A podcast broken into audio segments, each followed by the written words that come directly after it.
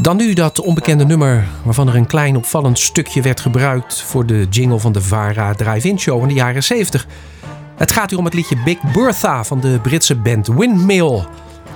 Windmill was een bandje uit de jaren 60 met onder andere Gavin Wilkinson, Dave Knowledge en zanger Dick Scott.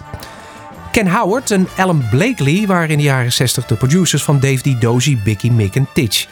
Daarnaast schreven ze ook nummers zoals bijvoorbeeld de hit Have I The Right van de Honeycombs.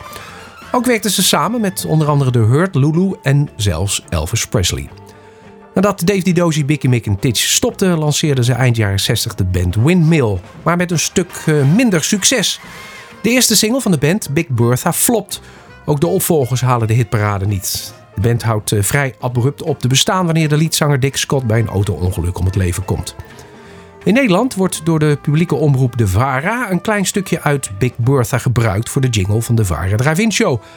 Deze jingle is ingesproken door de radiopresentator Aad Bos. Hij overleed op 1 maart 2020 op 88-jarige leeftijd.